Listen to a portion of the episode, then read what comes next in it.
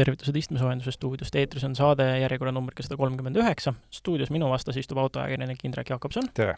mina olen autoajakirjanik Veli Rajasaar ja alustame kohe saatest, mille peateema on Pariisi autonäitus. Indrek käis äh, väikeses lähetuses, vaatas ära, mis, äh, palju uusi asju ja nendest räägime saates juba pikemalt. Äh, juttu tuleb nädala tegijast, kelleks on juhuslikult Citybee, räägime ühest asjast, milles Eesti on pingereas tagantpoolt neljas, aga seal on ka põhjust Äh, kütuserubriigist natukene, sellepärast et on ebameeldivaid üllatusi posti otsas äh, juhtunud ja meil on neile oma hinnang anda. Äh, räägime Euroopa automüügist, nädala börsiuudisest, ühest kadunud ägedast autost, muidugi sellest, millega Elon Musk on hakkama saanud jälle kord Äh, proovisõiduautoks on äh, hiinlaste uustulnuk, kes äh, Euroopas jõuga üritab jalga ukse vahele suruda ja päris mitmeid suuri tootjaid sellega juba ka natukene oma seljatagust vaatama on pannud mitmes mõttes. selleks proovisõiduautoks on Büd Han või kuidas seda hääldati? Han, me treenisime väga pikalt koos hiinlastega, et kuidas seda õigesti hääldada. Han, Han. vot, proovime, selline natuke laisa suuga öeldud Han. vot, juba, juba läheb, juba läheb. ja, ja alustame saadet siis nädala tegijaga, mis see Citybee, millega nad seekord ette jäid siis? no Citybee jäi mulle ette sellega, et nad pakkusid mulle autorenditeenust ja tulin äh, Pariisist tõepoolest viimase lennuga, mitte otselennu, vaid ümberistumisega, mis teatavasti jõuab järgmisel päeval Eestisse. otsustasin rentida Citybee auto ja noh, see ei õnnestunud eriti hästi, sest probleeme oli hulgi, alustades sellest, et auto leidmine osutus üle ootuste keeruliseks ja lõpetades sellega, et auto uksed ei tulnud lahti. Äh, pärast olid probleemid selles, et et äh, kuna Citybee on märkinud need kohad, kuhu auto saab jätta üliväikeste selliste roheliste pisikeste kastikestena, siis võib juhtuda, et kui sa kell kaks öösel sinna jõuad, siis seal lihtlabaselt ei ole ühtegi vaba kohta, sul on kaks võimalust, kas sa pargid kellegi kinni või jätad auto igaveseks tiksuma ja maksad. Ja miks siis äh, kõige selle jama juures on Citybee nädala tegija, sellepärast et nende klienditeenindus, ma ei tea, kuidas neid on treenitud või tegemist on sündinud talentidega, nad kannatavad ära absoluutselt kõik, mida, kõik sinu hädad, nad juhendavad sind kogu aeg ja nad samal ajal teenindavad sind.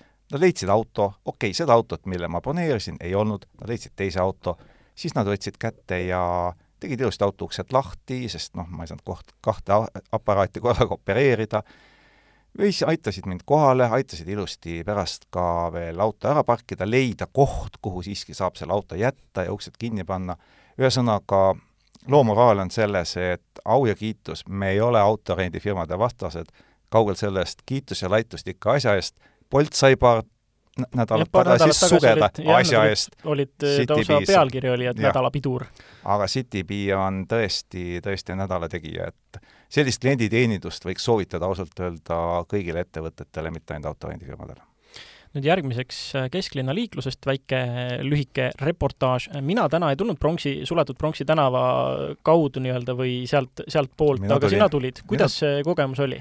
Äh, kogemus on hästi vastuoluline, sellepärast et äh, Pronksi tänav ja noh, sealt täpsemini siis sellega ristuvad tänavad on kuidagi autodest hakanud tühjaks jääma, sest ilmselt kõik autojuhid, olles neid ummikuid kogenud, praegu püüavad instinktiivselt nendest eemale hoida ja mõistlikult teevad et äh, noh, liiklus oli antud kellaajale täiesti vastav nii hommikul kui õhtul, et ei midagi erilist.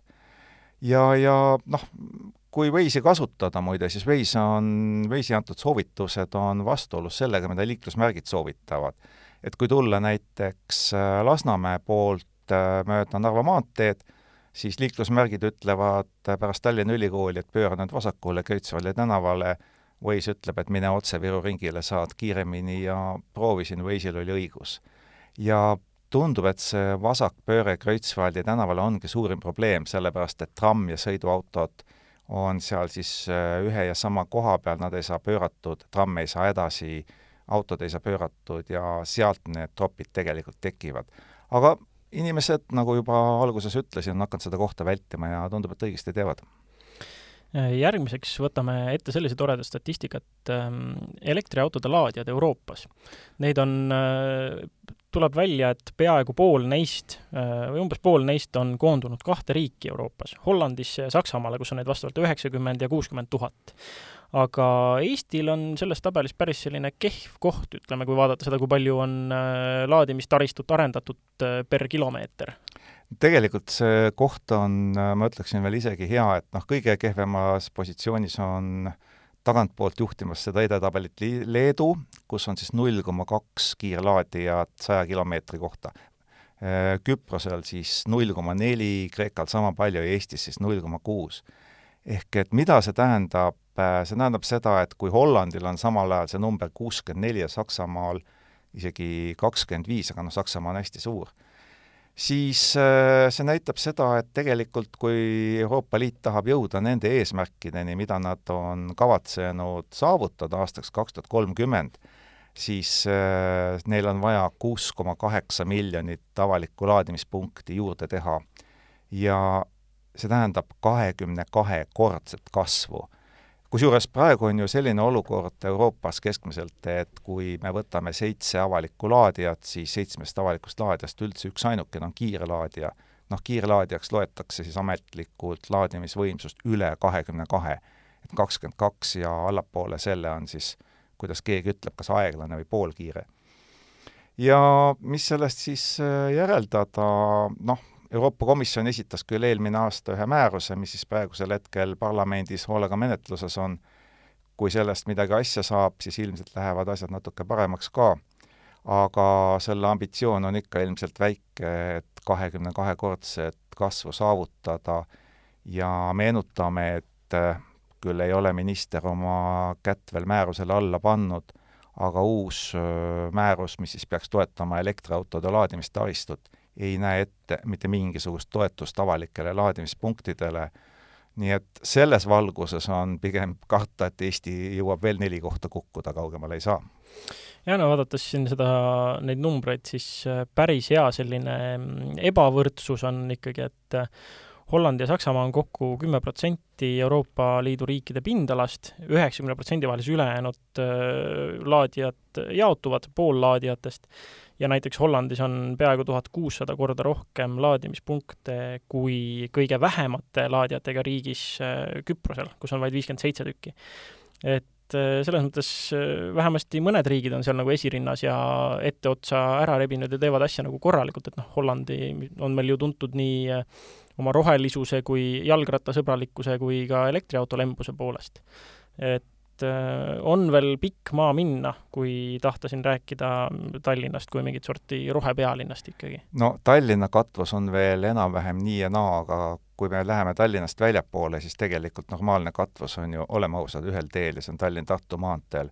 ja kui sõita natukene teisi alternatiivseid marsruute pidi, siis on ikka päris kehva aga järgmiseks äh, räägime elektri asemel hoopiski vedelast kütusest, dinosauruse mahlast. meil on, kuigi Brenti naftabarrel on äh, kukkunud ja isegi käis alla üheksakümne USA dollari, siis äh, posti otsas nagu seda täheldada ei ole. nagu on juba saanud seaduspäraks, et kui kukub, siis posti otsas see kukkumine nii peale ei jõua no posti otsas on praegusel hetkel diiselkütus kümme senti kallim, üheksakümmend viis on kaheksa senti kallim, üheksakümmend kaheksa ongi ainsana kõige vähem kallinenud aga no mida see näitab, see näitab seda, et meie kütusemüüjad suutsid siis selle ühe hetke, see oli üks kõige järsemaid hinna üleshüppeid üldse nagu viimaste kuude jooksul, suutsid täpselt selle tipus omal kõik mahutid korraga täis osta, hinna üles tõsta ja siis nüüd müüvad jätkuvalt meile seda väga kallist kallite hindadega sisse ostetud kütust, sest äh, praegu vaatasin korraks internetti, tõepoolest kütuse hind on üheksakümmend koma millegagi dollarit ja, ja vahepeal oli ta isegi alla üheksakümne, nii et ei peaks olema nagu mitte mingisugust loogilist põhjendust selleks kümnesendiseks hinnatõusuks, aga tanklad on tühjavõitu. noh, siin on see koht, kus ähm, ma toon jälle, tõstatan selle teema, mis ma mit-, mitmed korrad ma olen selle ideega mänginud, et ja võib-olla mõned korrad ka saates välja öelnud, et äh, miks ei tehta ausat turundust nii mõnelegi asjale. ja üks neist ikkagi võiks olla ka kütusemüük, et ongi see, see sooja õhu puhumine on see, mis nagu vastiku maitse suhu jätab, just see, et aa, meil on see kallis kütus on praegu, et noh, just see, et leitakse mingi vabandus, et miks praegu kallimalt müüakse, aga miks, äh, miks kohe hinda ei langetata, kui, kui langeb barreli ja ka kütuse hind. et kui äkki jätaks ära selle sooja õhu puhumise ja ütlekski välja, et noh, me oleme ettevõte, nagu teada, siis ettevõtte eesmärk on teenida kasumit, me praegu teenime kasumit ja me sooviks seda ka jätkata. et äh, teil on kütust vaja, tulge ja ostke, aga lihtsalt arvestage, et te aitate meil teenida kasumit ja nii see peabki töötama. selles ei ole nagu midagi häbiväärset seda välja öelda, aga lihtsalt miks siis nagu ähm,, miks siis nagu ajada mingit soga? ja kui mõni ettevõte otsustab natukene vähem seda hinnalisa panna ja selle arvel rohkem müüa, siis see on ka väga teretulnud võte aga riik loomulikult äh, siin praegusel hetkel, minnes nüüd üle veidikene suuremale plaanile, riik siia sekkuma ei hakka, erinevalt Ameerika Ühendriikidest, kus president võttis äh, antud teemal konkreetselt sõna, teadupärast on seal tulemas ju vahevalimised ja ameeriklase jaoks on bensiiniliitri või õigupoolest küll galloni hind posti otsas.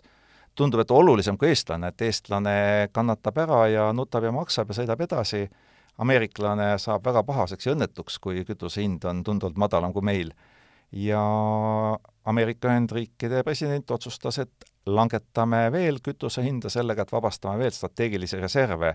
Eh, kriitikud ja vinguviiulid muidugi on väga õnnetud, et Ühendriikidel on praegu strateegiline varu nelisada viis miljonit barrelit ja see on kõige madalam seis pärast eh, tuhat üheksasaja kaheksakümne neljandat aastat, aga so what, Ameerika on suurim naftatootja ja ilmselt nad on oma võimekuses sedavõrd kindlad, et nad ei pea vajalikuks seda naftat maa peal hoida, kui neil on maa all seda piisavalt järgmiseks aga saate põhiteema juurde. nagu sai juba alguses öeldud, Indrek käis Pariisis vaatamas, üle mitme-setme aasta toimus Pariisi autonäitus jälle suur, suur ülioluline üritus ja sina said minna ja kaeda ja oma silmaga vaadata, mida põnevat seal esitleti. olles näinud sinu pildigaleriid, siis seal on nii mõnigi põnev asi, mis silma hakkas, aga ma laseks sul esialgu, enne kui ma küsin mingite masinate kohta, ma laseks sul ise rääkida ära, et mis sul see need olulisemad ja ägedamad asjad olid, mis silma jäid?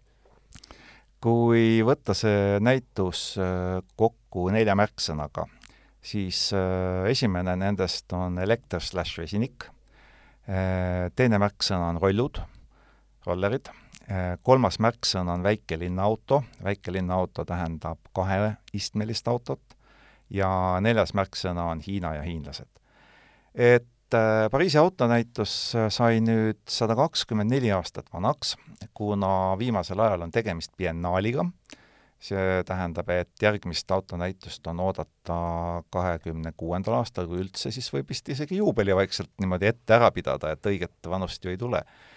ja äh, näitus on siis sada kakskümmend neli aastat vana, nagu öeldud, Äh, avas selle Renault Grupi pealik Luca de Meo ilusa kõnega, kusjuures ütles välja sellise huvitava fakti, mida meie oleme ammu välja öelnud, et ega elektriautod ei saa muutuda sama odavaks kui sisepõlemismootoriga autod, aga Renault on kindlalt oma eesmärgi juures, et kahekümne, kahe tuhande kolmekümnendaks aastaks olla täiselektriline.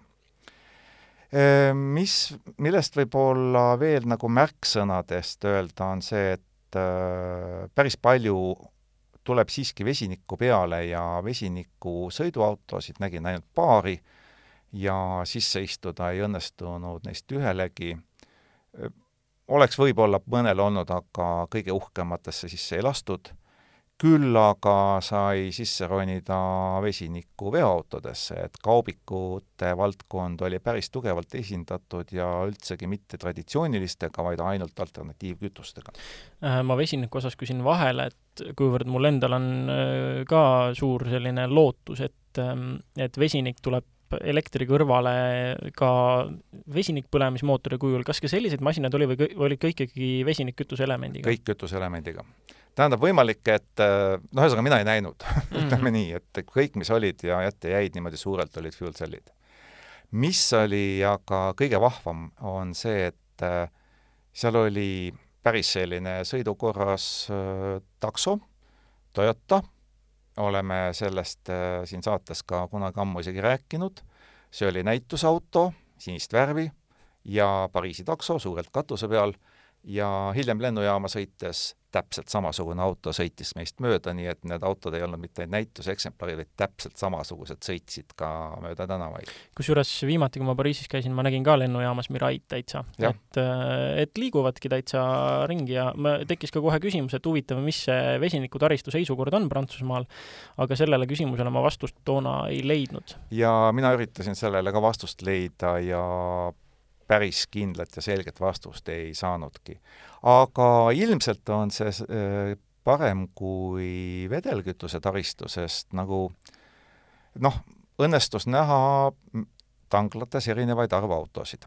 näiteks oli ühe tankla juures kümme autot. Need autod ilmselt pesid või siis juhid võtsid kohvi, sest seal ei müüdud kütust. Nendes tanklates, kus kütust müüdi, olid keskmiselt viietunnised järjekorrad ja autosõit oli järjekorras keskmiselt viiskümmend kuni sada. mis tekitasid liikles parasjagu ummikuid, sest äh, kujutate ette, kui näiteks on kolmerealine tee, selle ääres on tankla ja sellest kolmest reast üks rida on lihtsalt hõivatud äh, tankimist ootavate autodega.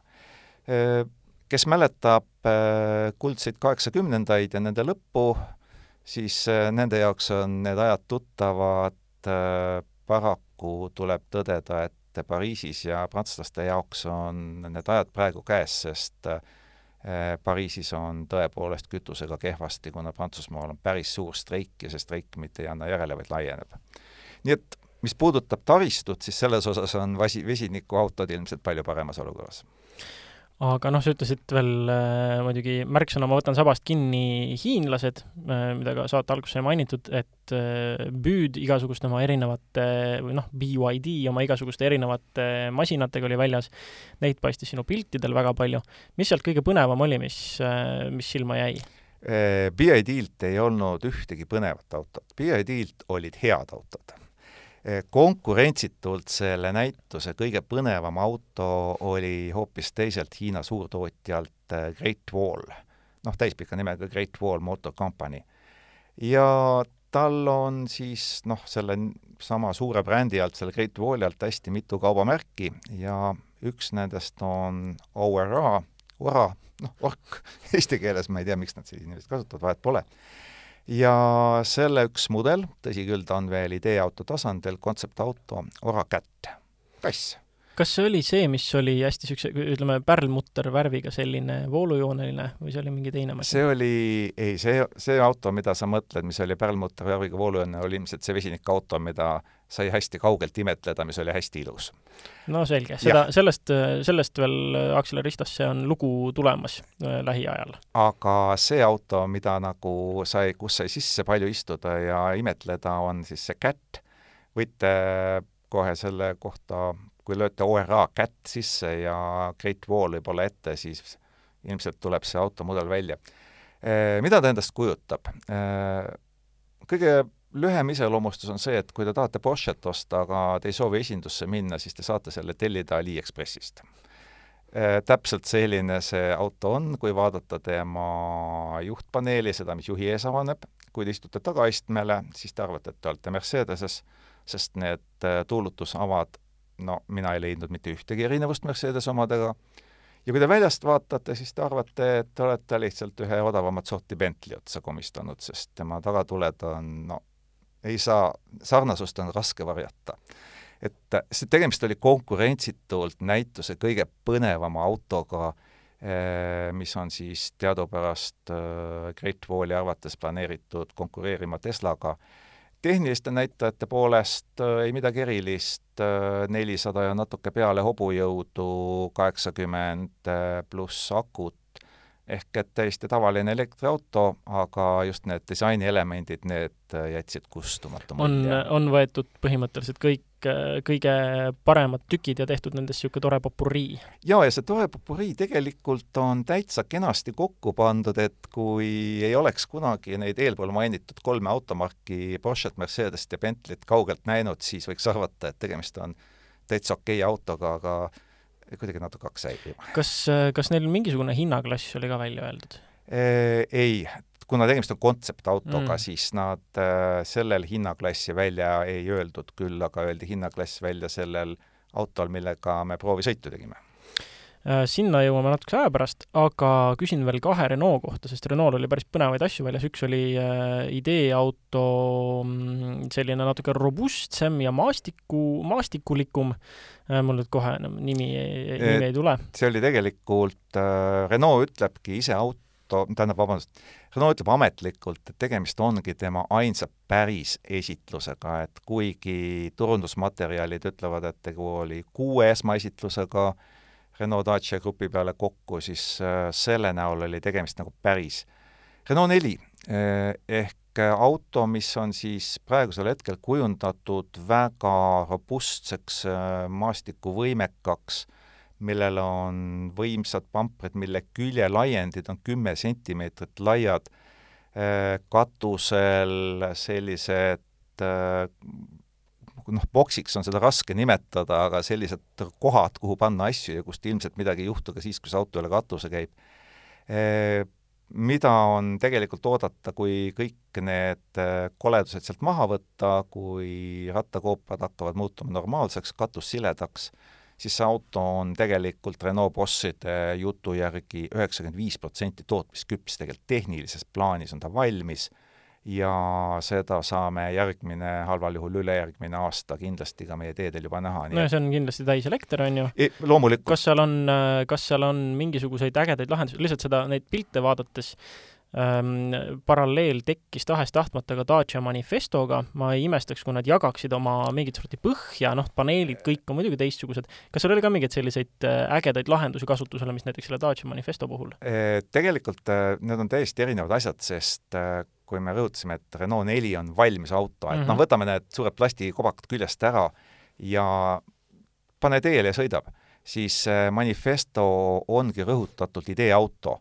et noh, turundusjutt kõlab niimoodi, et tegemist on materialiseeritud kujuga kõikidest toredatest ideedest, mis ühel autotootjal võivad inimestel olla, ja siis on need pandud ühte metallist ja plastist koosnevasse vormi, ilma eesmärgita seda autot kunagi vooluliinile panna, vaid pigem nagu näidata, mis suunas nagu tuleviku mõte võib liikuda. ta on nagu klassikaline ideeauto.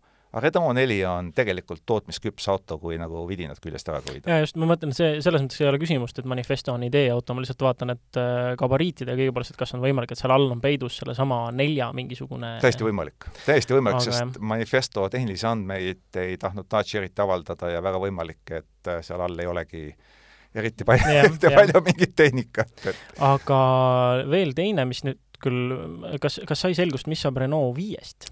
Renault viiest äh, väidetavalt jällegi Renault bosside jutu järgi on valmis auto, nad ei nimeta seda isegi mitte esitluseks, sest Renault viite on ju siin-seal juba niimoodi päris äh, näidatud, ja Renault ütleb, et Renault viis on valmis äh, kaks tuhat kakskümmend neli, mitte küll järgmine aasta, läheb seeria tootmisesse ja enam-vähem sellise kujuga ta saabki olema. et lisaks näidati veel ka ühte driftiautot, aga selle kohta isegi Renault enda inimesed ütlesid, et sellel ei ole mõtet väga palju tähelepanu pöörata, et kuna tegemist on autoga, mis esiteks äh, seeria tootmisesse ei lähe ja teiseks ei ole seal ka midagi sellist, mis oleks äh, noh, mis vääriks nagu elementidena hilisematest nagu päris seeriaautodes kasutamist, et ta oli lihtsalt nagu näitusauto ja mitte midagi enamat no aga kui me juba Prantsusmaal oleme, vaatame korra Stellantise ja eriti just Peugeot poole, et Peugeot'l oli päris mitmeid esmaesitlusi, kas sealt jäi midagi silma, nad ju suurelt kõik hõikasid välja, et meil tuleb see ja too ja meil on siin mingisugune elektriroller ja siis meil on äh, siin, äh, issand, mis neil oli, kakssada 208. kakssada kaheksa elektriline ja nelisada kaheksa, on ju. no kui ma ausalt üles tunnistan, siis äh, ma ootasin sellest Pariisi autonäitusest üle kõige seda uut nelisada kaheksat. Ja noh, et kui mingit asja väga ootad ja hirmus palju loodad, siis tuleb väike pettumus. et see on täiesti inimlik ja siin ei ole mõtet nagu pahandada. meh, no oli jah, noh, on küll jah on küll, on küll Peugeot ja on nelisada on kaheksa. Peugeot, on nelisada kaheksa, on laukpära, aga ei midagi erilist, et ähm, loom-, loomulikult, kui ta tuleb Eestisse ja saame teda pikalt ja põhjalikult testida, eks siis saame arvata, et kas ta on võrreldav Arcanaga või siis Renault tegelikult päris selle noh, kõige suurema uudisega, mis seal näitusel tegelikult oli, kas see uus nelisada kaheksa selle konkurentsi välja kannab, no ütleme nii, materjalid olid Peugeotlikud, rool oli Peugeotlik äh,, ei midagi erilist äh, ja ütleme veel nii, et mm, ta näeb välja natukene kehvem päriselus kui piltide peal. mis äh, on suhteliselt üllatav, et tavaliselt äh, kui on tegemist ikkagi sellise huvitava kujuga autoga, no võta kas või see viimane eh, B-klassi elektri Mercedes, millega sai hiljuti mm -hmm. sõidetud, no ta näeb päriselus tegelikult parem välja. aga selle Peugeot'ga peaks ütlema vastupidi.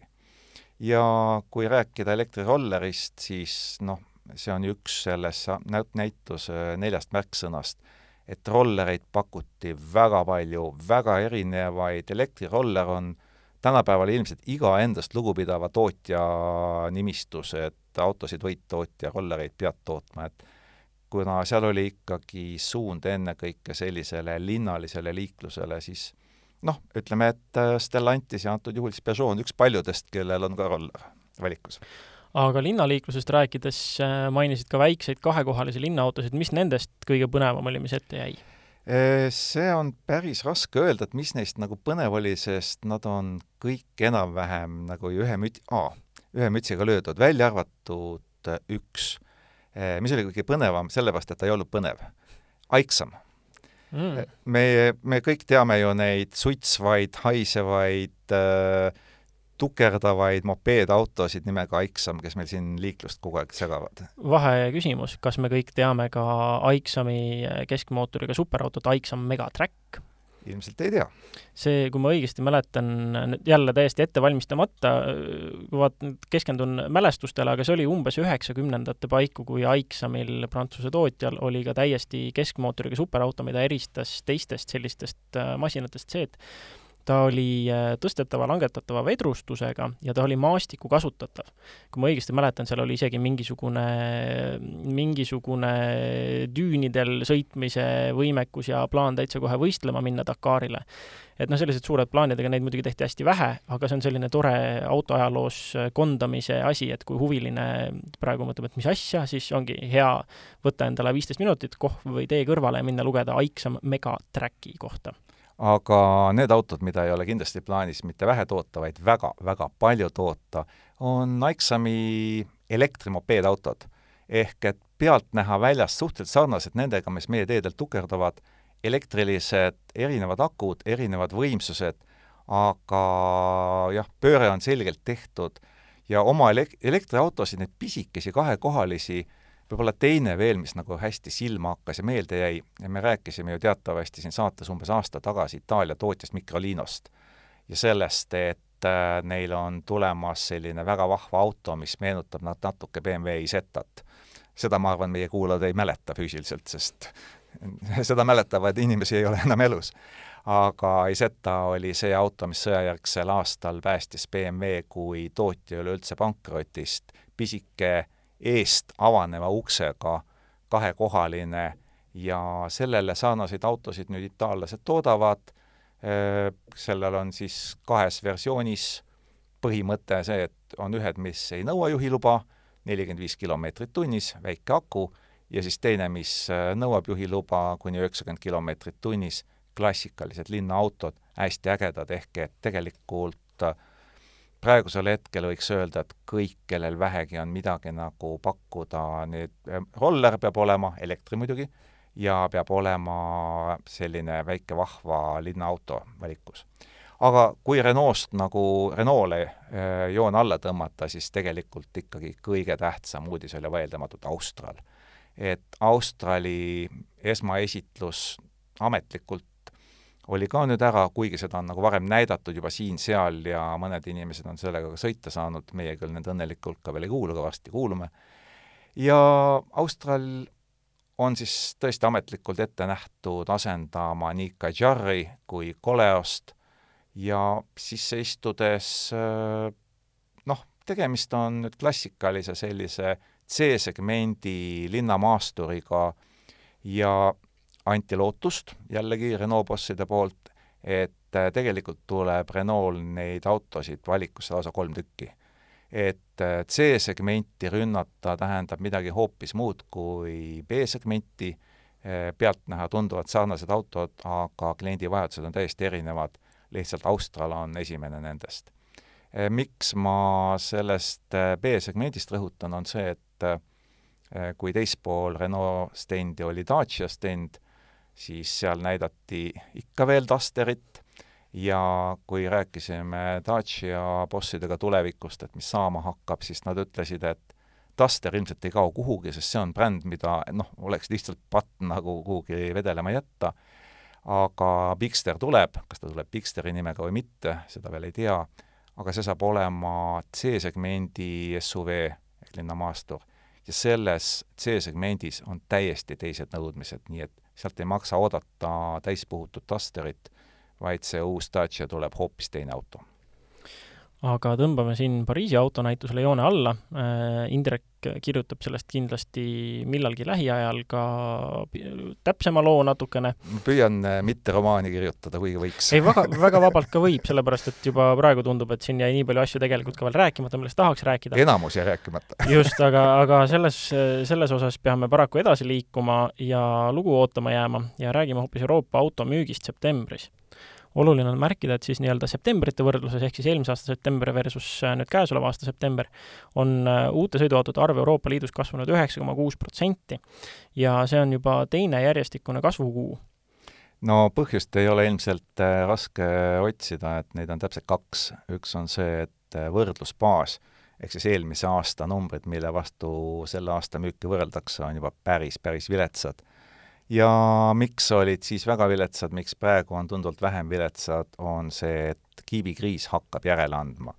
et kui praegu vaadata, mis suurematel turgudel toimub, Saksamaal neliteist protsenti kasvu, Hispaanias kaksteist, millegagi noh, Prantsusmaa, Itaaliaga ühekohalised numbrid, aga ikkagi, et selles mõttes äh, kiibikriisist on väga selgelt üle saadud, nüüd on küsimuseks tarbija, kas tarbija jaksab, kas tarbija riskib ja kas pangad finantseerivad kõike seda protsessi, sest äh, lõppude lõpuks on kolme esimese kvartaliga ehk siis üheksa kuu jooksul ikkagi turg veel kümme protsenti kukkunud ja ega midagi ilusat seal veel majanduses oodata ei ole, nii et selles mõttes öö, äh, ootame põnevusega, aga ilmselt on oodata, et need numbrid jäävad natukene positiivseks, lihtsalt võrdlusbaas on nii madal no müügi mõttes äh, juhtis Volkswagen AG, kellel läks kaubaks sada viiskümmend kuus tuhat autot ja Stellantis kogu täiega sai sada neli, müüdud sada nelikümmend kaheksa tuhat ja kolmas siis äh, Renault ja Dacia, ilma Nissanita, oluline märkus, kes müüsid kaheksakümmend kuus tuhat autot. aga oluline fakt on see, et kaubaks läksid ka kakskümmend seitse laadat eelmine kuu mis riigis, mis mudelid, ei ole veel õnnestunud välja selgitada, aga me oleme juba teada saanud, et kakskümmend üks nendest läksid Vana-Euroopa riikidesse ja kuus tükki jäid Ida-Euroopa riikidesse.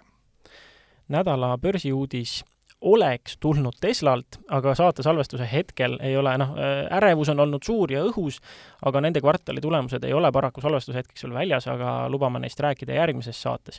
nii et hüppame edasi kohe nädala kadunukese rubriiki ja siinkohal äh, tuleb ära saata Lamborghini Aventador, mille puhul siis noh, tegelikult on juba pikalt teada olnud, et äh, et ka Lamborghini plaanib ikkagi elektriliseks minna, noh, Huracanist on igasuguseid äh, erimudeleid ja asju, küll vahepeal üritati kaubelda endale koos teiste Itaalia superautotootjatega seda mm, nii-öelda sisepõlemismootori erandit või kutsuti vahepeal ka V kaheteistkümne erandiks, et, et nagu neile Itaalia erand, eks ole. jah, just, aga noh, see, see saadeti pikalt ja nii näidatigi septembri lõpus viimast Aventadori, mis ühtlasi on ka viimane Lamborghini V kaheteistkümnega, ainult puhtalt sisepõlemismootori kujul V kaheteistkümnega tootmismudel.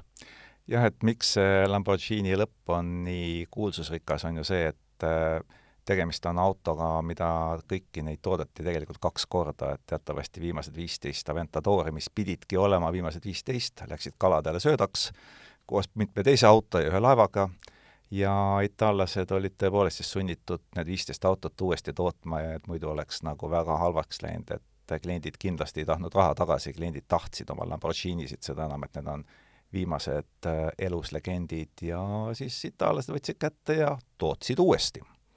Kusjuures äh, uuesti tootmisest rääkides lihtsalt selline huvitav vahelepõige, et ma ei tea, kui paljudele kuulajatele on ette jäänud äh, kuulus naljapilt sellest, kuidas ähm, ninapidi vees on üks äh, Golf livery või noh, Golfi värvides niisugune helesinine ja oranži triibuga Porsche ja juures on tekst, et justkui siis omanik helistaks advokaadile, et kas kokkupõrge loomaga on ka kindlustuse poolt kaetud, et kokkupõrge kalaga.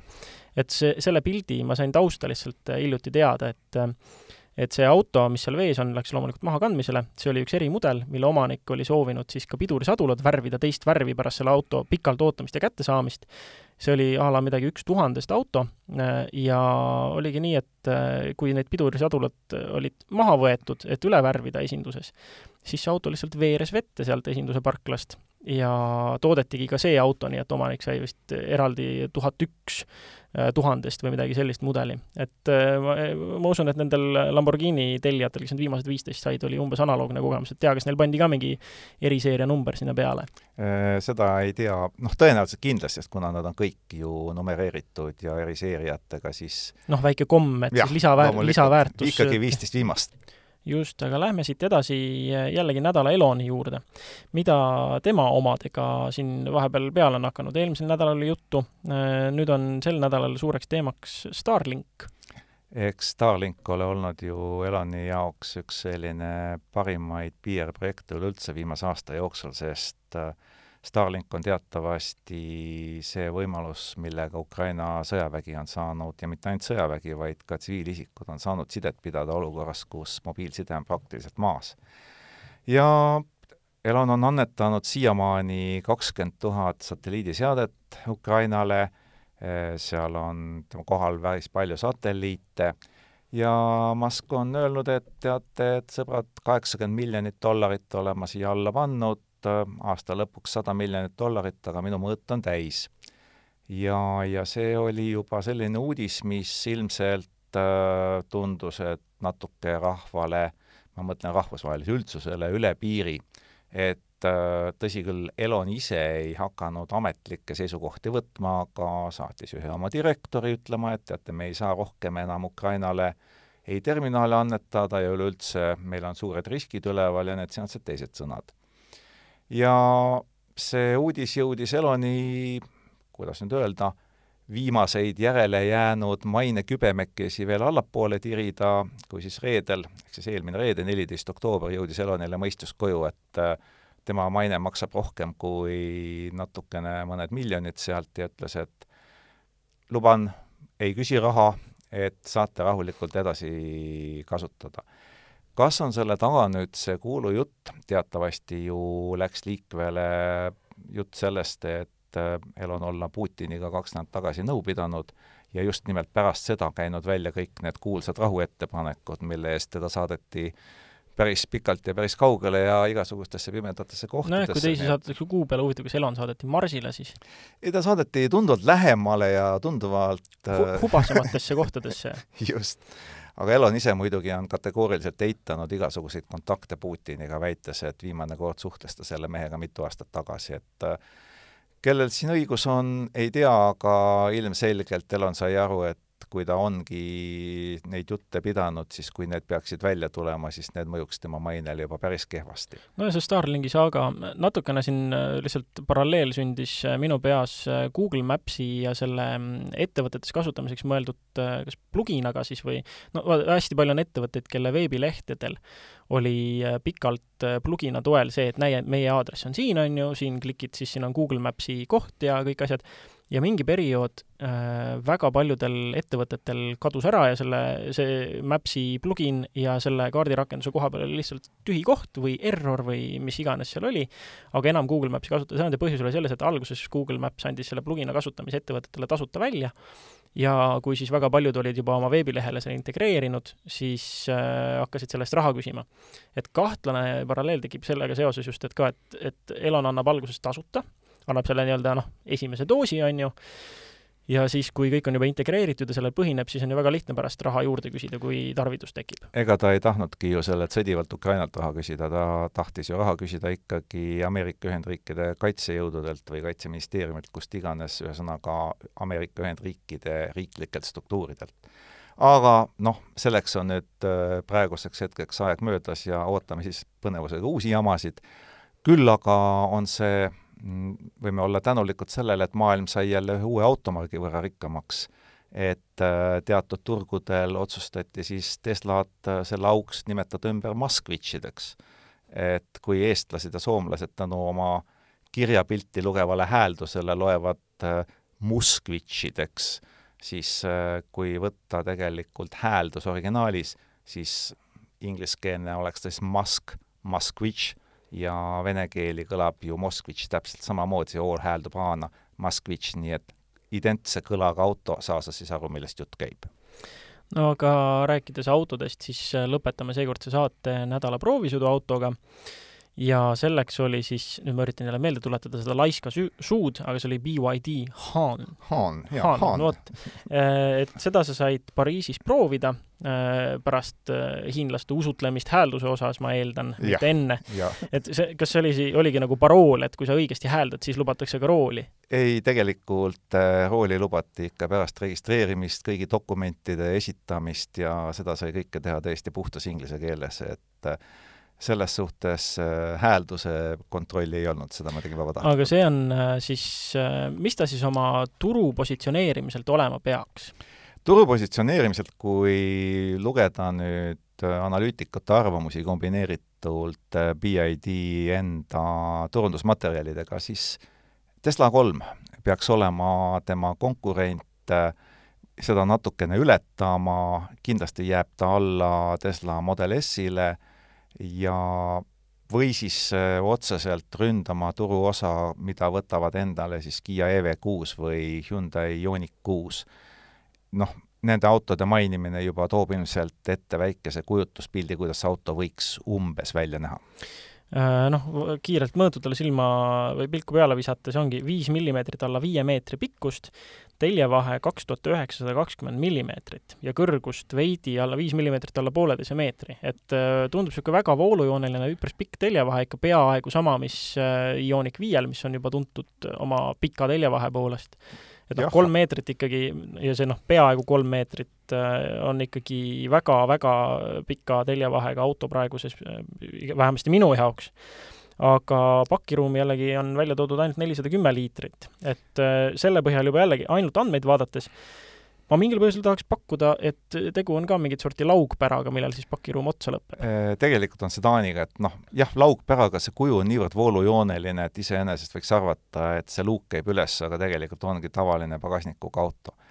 noh, loomulikult elektriauto on ju. loomulikult elektriauto, nelikvedu, kaks mootorit, mõlemad püsimagnetiga sünkroonmootorid, üks eesi, üks tagasillal viissada kuusteist hobust, seitsesada Newton-meetrit, see tähendab, et see auto astub edasi ikka täitsa kobedalt. no siin äh, kirjutatud on, et kolm koma üheksa sekundit sajani, aga maksimumkiirus jällegi on piiratud ja seda loomulikult akkude säästmiseks. sada kaheksakümmend kilomeetrit tunnis. aga mis ta akupakk siis ja mis ta sõiduulatust siis lubab? no VLTP järgi täiesti ametlik keskmine sellega, millega võib teda Euroopas müüki lubada, viissada kakskümmend üks kilomeetrit päris täitsa, korralik. täitsa asjalik. mina nägin ekraanil kaheksakümmend viis protsenti oli akut alles ja siis ta lubas veel nelisada kolmkümmend kilomeetrit sõita, nii et äh, tegin sellest lausa pilti, et selles mõttes viissada, noh, kas ta nüüd viissada kakskümmend üks täpselt välja veab, aga äh, viiesaja kanti sellise kena mõistliku sooja sügisilmaga küll kui pikka proovisõidu sa temaga teha said ja mis sa selle keskmiseks elektrikuluks said? keskmist elektrikulu ma ei mõõtnud, aga ma sain sõita tund aega ja ametlik lubadus on kaheksateist koma viis äh, kilovatt-tundi saja kilomeetri kohta, mis võib isegi tõele vastata, aga noh, loomulikult äh, selleks, et nüüd hinnata päris reaalset kulu, peaks ikka pikemalt sõitma sõitsin nii palju, kui Pariisis oli võimalik, nii väikestel tänavatel kui suurtel magistraalidel proovisin, mida teeb komfortrežiim, mida teeb sportrežiim ja kui sa ütlesid Ioniq viis, siis tegelikult tuli soe mälestus hinge, sest Ioniq viis on ju teatavasti auto, millel saab veojõukontrolli välja lülitada täielikult. ja sellel autol on täpselt seesama võimalus mis siis juhtub, ei ole raske arvata, aga selle auto võimsust on nii palju, et eh, temaga on võimalik ka kõigi sisse lülitatud juhiabidega ikkagi külg ette saada paigalt võttes ja on võimalik üsna rahulikult ka kõik neli ratast ringi käima saada, koos kõigi juhiabidega. et seda jõudu on seal meeletult ja, ja kui see on korra maha pandud, siis noh, siis ta ikka liigub edasi ka. kolm koma üheksa sekundit räägib iseenda eest. aga see on väga hästi kokku pandud. selle, see on tõeliselt üllatav selles mõttes, et äh, ta aukudes ei kolise, ta ei logise kuskilt, ma arvan, ta saaks munakivitestis väga hea tulemuse äh, väljamõõt, praegu siin pannakse hullult üle osade masinatega ja noh, ilmselgelt veel mingitel välja pandud sellisel ähm, äh, näituseauto jah, näituseautodele ikka lükatakse mingisugune kakskümmend üks, kakskümmend kaks tolli alla, kas sellel üheksateist täiesti, täiesti ta, ta nägi normaalse auto moodi välja. ta nägi tõesti sellise auto moodi välja, et seda kõlbab osta. suurepärane vaheldus. jah äh, kuidas, kuidas tal hinnaskaala on? Eh, hinnaskaala küll öeldakse, et jah, et kõige kehvema versiooni võib kaubeldes alla saa-, saada niimoodi seitsekümmend kaks tuhat, aga praktikas öeldi, et tegelik reaalne hind, millega võib arvestada enamusel turgudel, on kaheksakümmend kaks tuhat. aga kas tal on ka mingid äh, ühe ajamega versioonid või ongi nii, et see, see ka-, see kaheksakümmend tuhat ongi see, mille eest sa saad juba selle, mis on nelikvedu e, millel on see võimsus? kui ajalukku minna tagasi, siis tegelik-, see kaheksakümmend kaks on selle tippversiooni kohta. kui ajalukku tegelikult tagasi minna, siis see Haan on äh, tulnud sisepõlemismootoriga, on teda algselt valmistatud ja temast on tehtud pistikhübriidi, nii et äh, tegelikult oli tegemist, noh, miks ta oli nii sõidukõlblik ja nii lihvitud, et äh, teda on tegelikult varem valmistatud. valmis platvormi peal lihtsalt kohandatud. platvorm on valmis mm -hmm. ja nüüd on talle pandud lihtsalt täis särtsukas. nii et tegelikult on veel, on veel oht, et hiinlastel läheb asi veelgi paremaks, kui nad lõpuks ka spetsiaalselt elektriauto jaoks mõeldud platvormiga välja tulevad e? Ma arvan, et see ei muuda enam mitte midagi paremaks, sest praegusel hetkel ütleme, kogu elektriline võimekus oli seal suurepäraselt olemas, noh, lõppude lõpuks, mida see annab, teadmine, et sellele autole ei saa sisepõlemismootoriga erimit, et see pigem on võib-olla, mis teeb temast nagu omapärase sõiduki, ega need Hiina eripärad sealt ei ole kuhugi kadunud. näiteks kui sa tahad autost välja minna, siin Euroopas oled sa harjunud, et võtad ukse lingist ja tõmbad, siis tuleb uks lahti. aga seal tuleb tõmmata kaks korda. esimene kord läheb kesklukk maha, teine kord läheb uks lahti. Ja siis on kõige parem featuur konkurentsitult, on see, et sa istud autosse ja siis sisemine kaamera võtab kõik üles ja näitab sulle suurel ekraanil, mida sa seal autos teed küsimus veel, kuna aga seda saab välja lülitada? no vähemasti midagi, vähemasti midagigi Äh, küsimus muidugi tekkis, kuna ma olen äh, siiamaani kogenud ka ise äh, hiljuti üht Hiina autot, mul ei tule nüüd see mudel meelde, mis siin oli eelmise aasta auto valimise paiku CRS kolm just, just seesama, sinna istudes see lõhn oli juba niisugune tugev ja sa, sa, sa tundsid nagu, sisetunne juba ütles, et oh, see on puhas kantserogeen. kuidas siis selle BYD-ga oli? mitte midagi taolist. mis äh,, Ceresest oli muidugi, oli see vana kolm, aga oli ka Ceres viis ja Ceres viis näeb juba väga korraliku auto moodi välja. aga just, äh, kui sa ütled selle hiinlase odava plastiku lõhn, see käib äh, teatud tootjate juurde, aga BID tippmudelid on täiesti euroopalikud autod, et kui need kaamerad ja muud äh, vidinad sealt välja võtta, siis ei mingit odavat plastikut, nahk materjalid väga korralikud, kvaliteetsed, ma ei näe vähimatki põhjust, miks ja, ta ei peaks ette võetud asi. täiesti tõsiselt ette võetud asi. kui meil oli äh, jaapanlaste suur tulemine, nüüd äh, järgnevalt on olnud korealaste suur tulemine, siis äh, nüüd tulevad hiinlased, aga millal nad tulevad, millal võiks seda autot ka Eestimaa pinnal näha? Eestimaa pinnal nägemiseks ei ole mitte üks Hiina tootja, rääkisin päris paljudega äh, mitte ühtegi indikatsiooni andnud, et selles mõttes äh, Eesti turg on nii väike, et äh, noh, Euroopas äh, on see Haan järgmisel aastal müügil, siin ei ole mingit kahtlust, aga Eesti turule mitte keegi, noh, hea, kui nad teavad, et mis Eesti on üldse.